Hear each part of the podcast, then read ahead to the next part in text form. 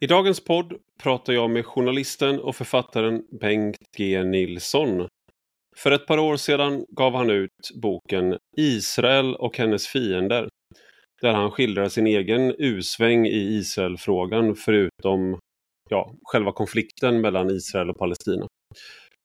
Första gången han själv besökte Israel var 1972 då han kom dit som ung backpacker. Och efter att ha jobbat på kibbutz en tid förälskade han sig i landet. Eh, en kärlek som sedan svalnade och övergick i stöd för palestinierna och i Israelkritik. Men med åren har han omvärderat igen. Och nu menar han att den enda rimliga ståndpunkten är att stödja Israel. Trots alla sina fel och brister är det den enda demokratin i regionen och dessutom omgivet av fiender som vill utplåna landet och dess befolkning.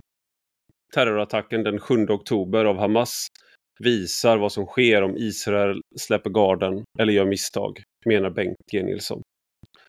Vi pratar även om hur Arabförbundet, FN och även Sverige bidragit till att vidmakthålla konflikten genom att permanenta palestiniernas flyktingstatus och om varför tvåstatslösningen både är oframkomlig och död som idé, samt vad alternativet skulle kunna vara. Men nu till dagens gäst. Du lyssnar på Rak Höger med mig, Ivar Arpi.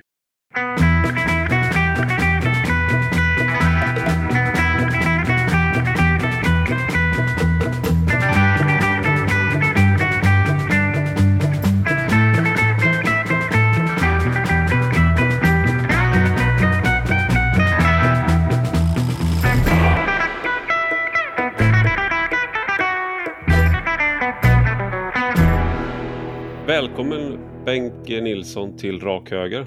Tack Ivar, trevligt att vara här. På länk visserligen, men det ska det funka ändå. Ja, du sitter i Frankrike, eh, mm. sa du, i, i eh, en stad som är känd för sina vingårdar. Ja, det stämmer. Vi är på genomresa, jag och min hustru. Vi är på väg ner till Nice. Eh, fel årstid kan man tycka, men det har sin förklaring. Men det kan vi, det kan vi prata om en annan gång.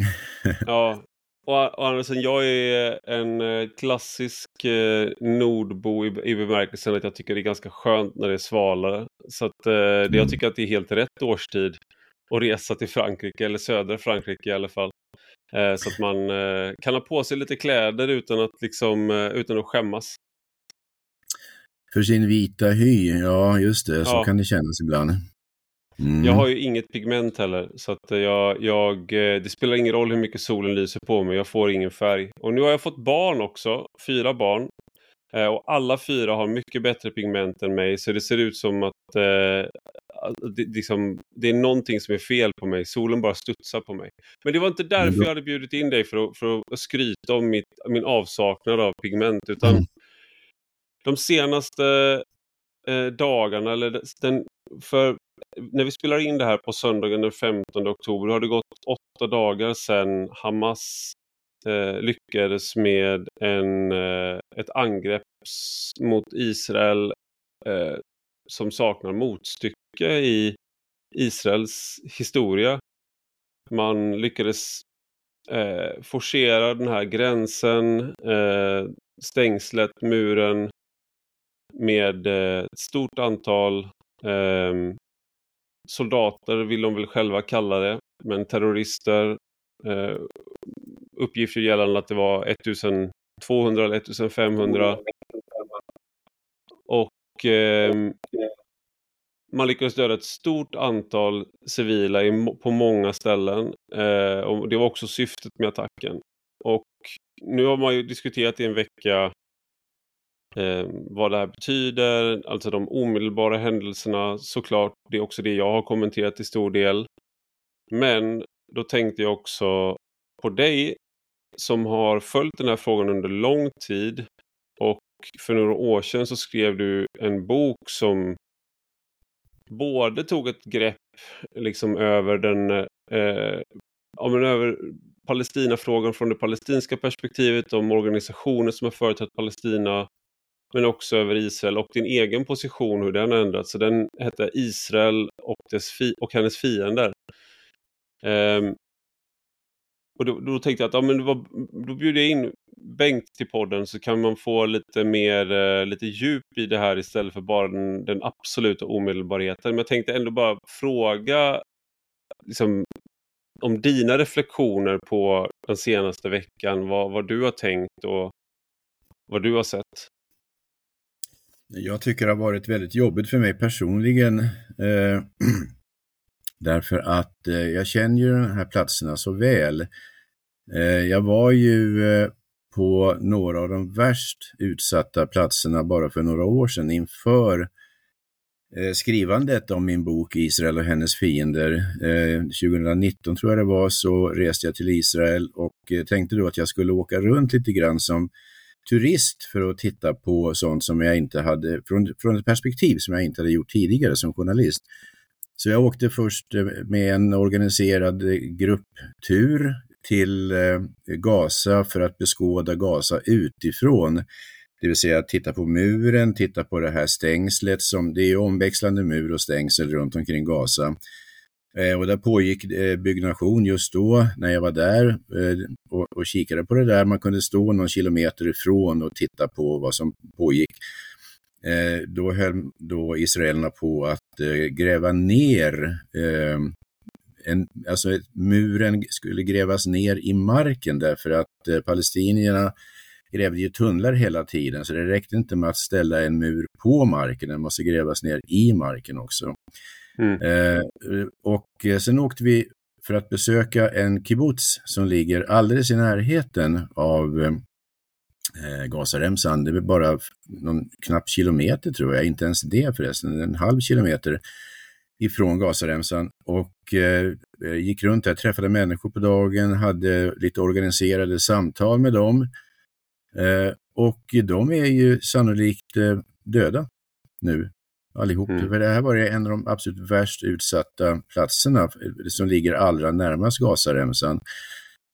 Eh, och sen åkte vi vidare till den här staden Sederot som också ligger väldigt nära Gazaremsan. Och, eh, och där är också, det avslutas, eh, din, din, du har, det är lite kusligt nästan i boken där att du, du skriver om Sterot eh, i, bok, i slutkapitlet i, i din bok också. Alltså man, mm.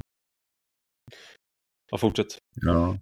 Jo, eh, Sederot var ju en intressant stad därför att den var ju ständigt utsatt för raket, inte ständigt, men återkommande utsatt för raketbeskjutning från Gazaremsan. Eh, och eh, vi träffade människor där också och fick eh, som sagt organiserade samtal med dem och fick höra då hur de agerade för att skydda sig mot de här raketangreppen. I lekparkerna så hade man då byggt skyddsrum för barnen i form av långa eh, Eh, eh, betongrörskonstruktioner som var målade i glada färger för att föreställa skrattande, leende eh, ormar och andra djur. Och där skulle barnen kunna springa in och gömma sig när larmet göd över staden. Och det gjorde det ju som sagt då och då. Och under årens lopp hade ganska många människor dödats av raketer men ändå, ändå inte så många så att folk helt avstod från att bo där utan man härdade ut ändå och bodde i Sederot för Sån är ju situationen i Israel att eh, man får ju ofta ja, acceptera de villkor som gäller och ingen är trygg någonstans på riktigt. Så Sederot mm. betraktades väl inte som så värst mycket farligare än, än många andra platser i södra delen av Israel inom eh, raketavstånd från, från Gaza så att säga.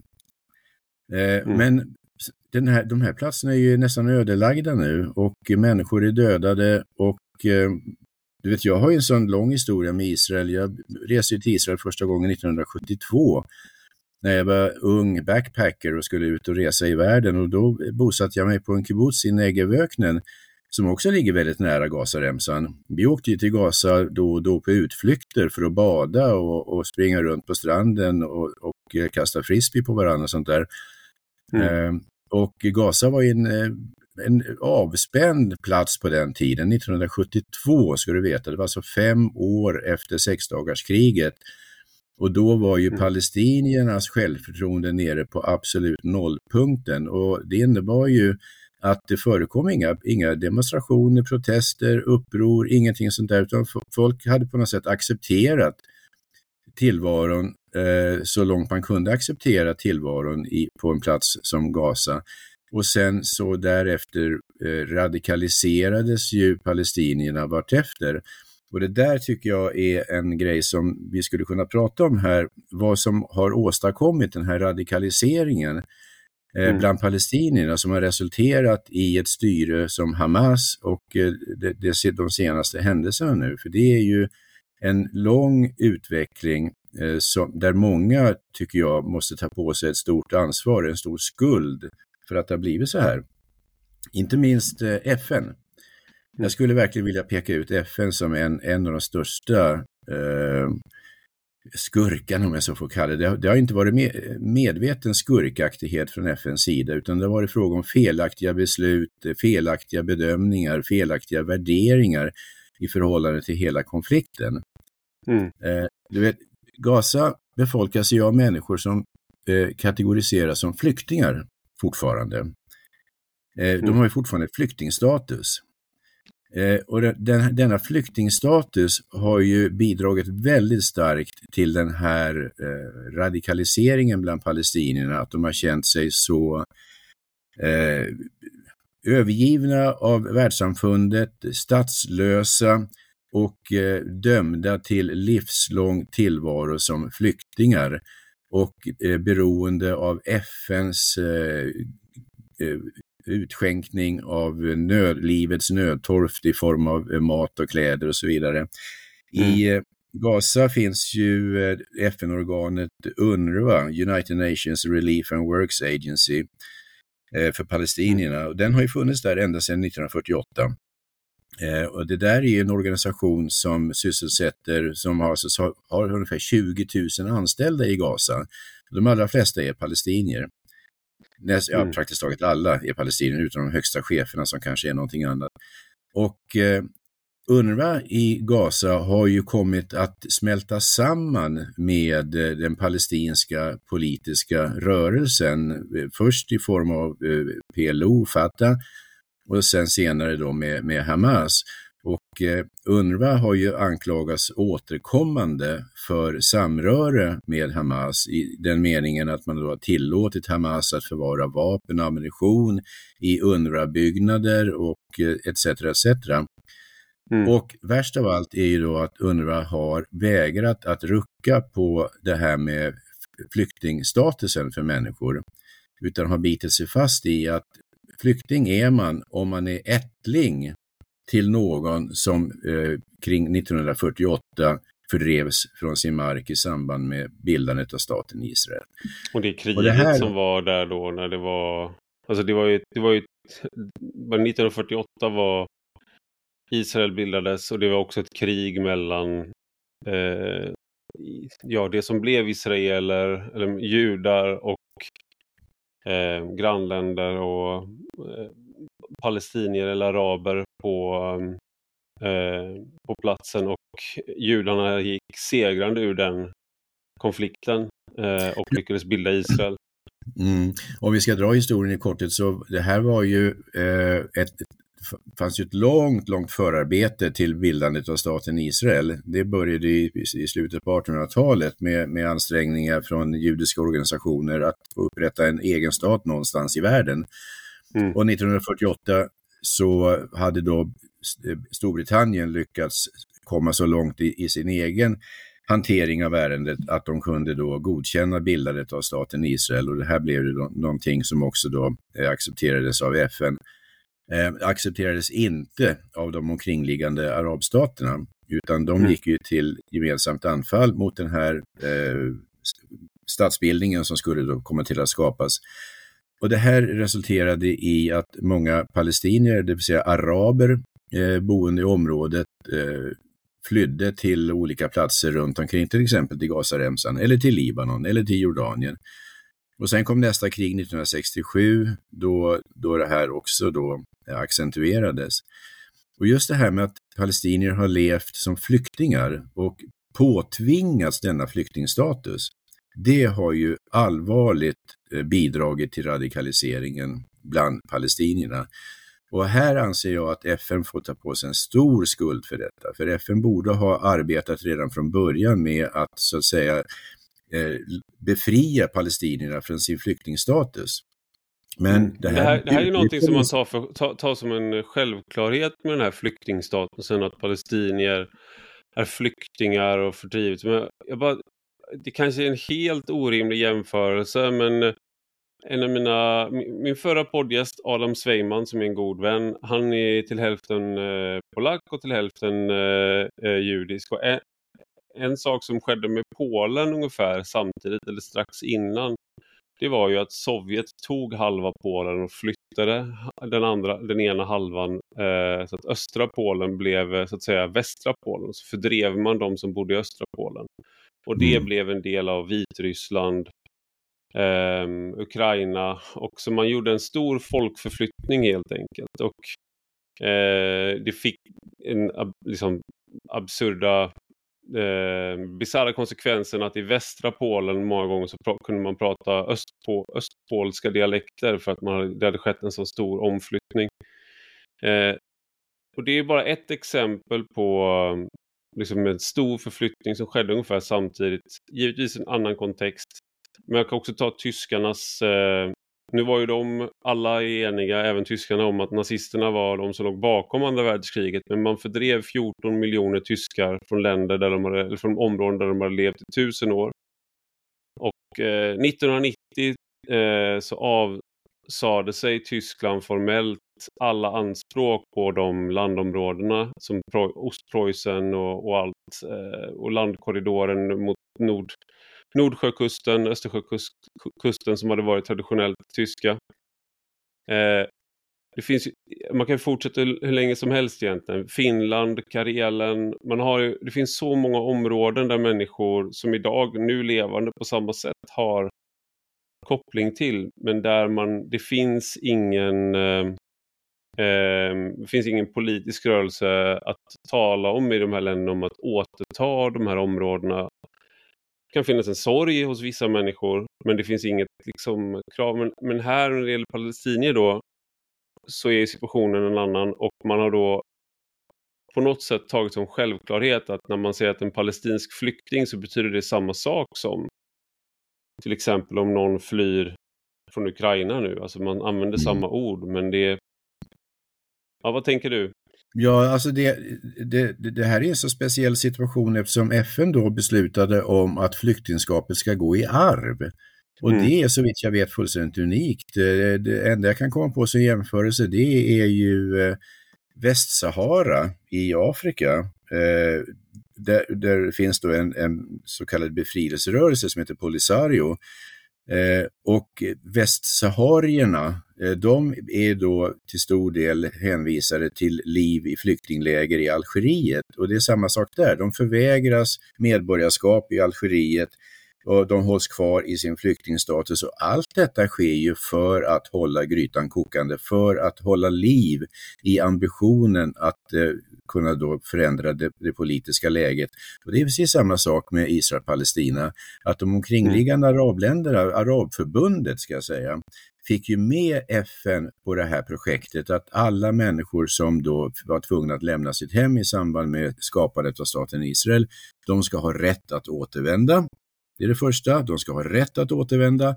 Och det andra är att de då eh, ska betraktas som flyktingar och deras barn ska betraktas som flyktingar och deras barnbarn och barnbarnsbarn i all evinnerlighet ska betraktas som flyktingar. Och det är klart att det här bäddar ju för en situation där hela tiden frågan hålls verkligen vid liv, alltså att frågan om då att kunna eh, återerövra det som då människor anser att de har förlorat en gång i tiden. Eh, mm. Bo Rothstein skrev en intressant eh, debattartikel i DN ganska nyligen om det här, där han då radade upp, precis som du säger själv Ivar, de här områdena i, i vår del av världen där människor har fördrivits och där det inte har uppstått en sån här situation med krav på återvändande och flyktingskap och så vidare. Och så, vidare.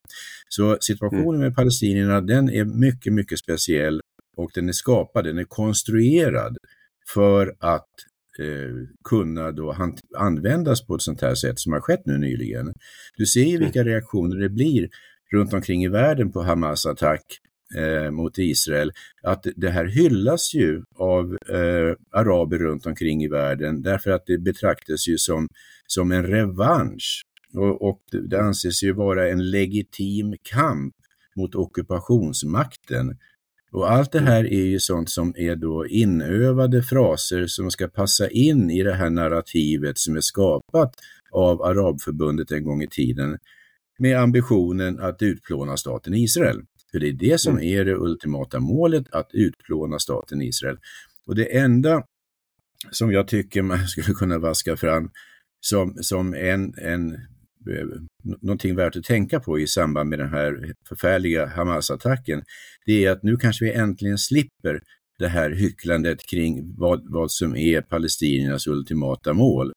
För det är ju att mm. utplåna staten Israel, det har det alltid varit. Det är bara att det har lindats in i förskönande fraser om man har pratat om tvåstatslösningen. Du vet den här tvåstatslösningen som ständigt kommer upp varje gång man diskuterar den här frågan. Tanken då att det ska bildas en palestinsk stat som ska ligga granne vägg i vägg med Israel och de ska leva i fred och harmoni i eviga tider. Det kommer aldrig att hända. Det kommer aldrig att hända, utan det är det, är det här som kommer att hända istället.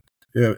Anfall, övergrepp på Israel och försök att utplåna Israel försöka att utplåna alla judar. Det är det det går ut på.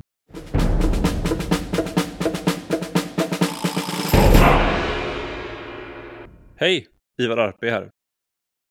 Vi på Rak Höger får inget pressstöd. Vi tar inte emot pengar från någon intresseorganisation eller lobbygrupp.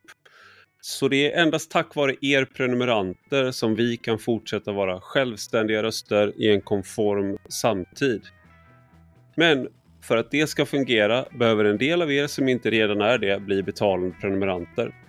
Och som betalande prenumerant får du även möjlighet att ställa frågor till gäster, kommentera artiklar och poddar samt även läsa texter som ligger bakom betalväggen. Dessutom ingår podden Under all kritik som jag har ihop med Anna-Karin Windham. Så gå in på enrakhoger.se subscribe och välj vilken prenumeration som passar dig bäst. För 5 euro i månaden eller 50 om året får du tillgång till allt material på rak höger. Vi hörs nästa avsnitt igen.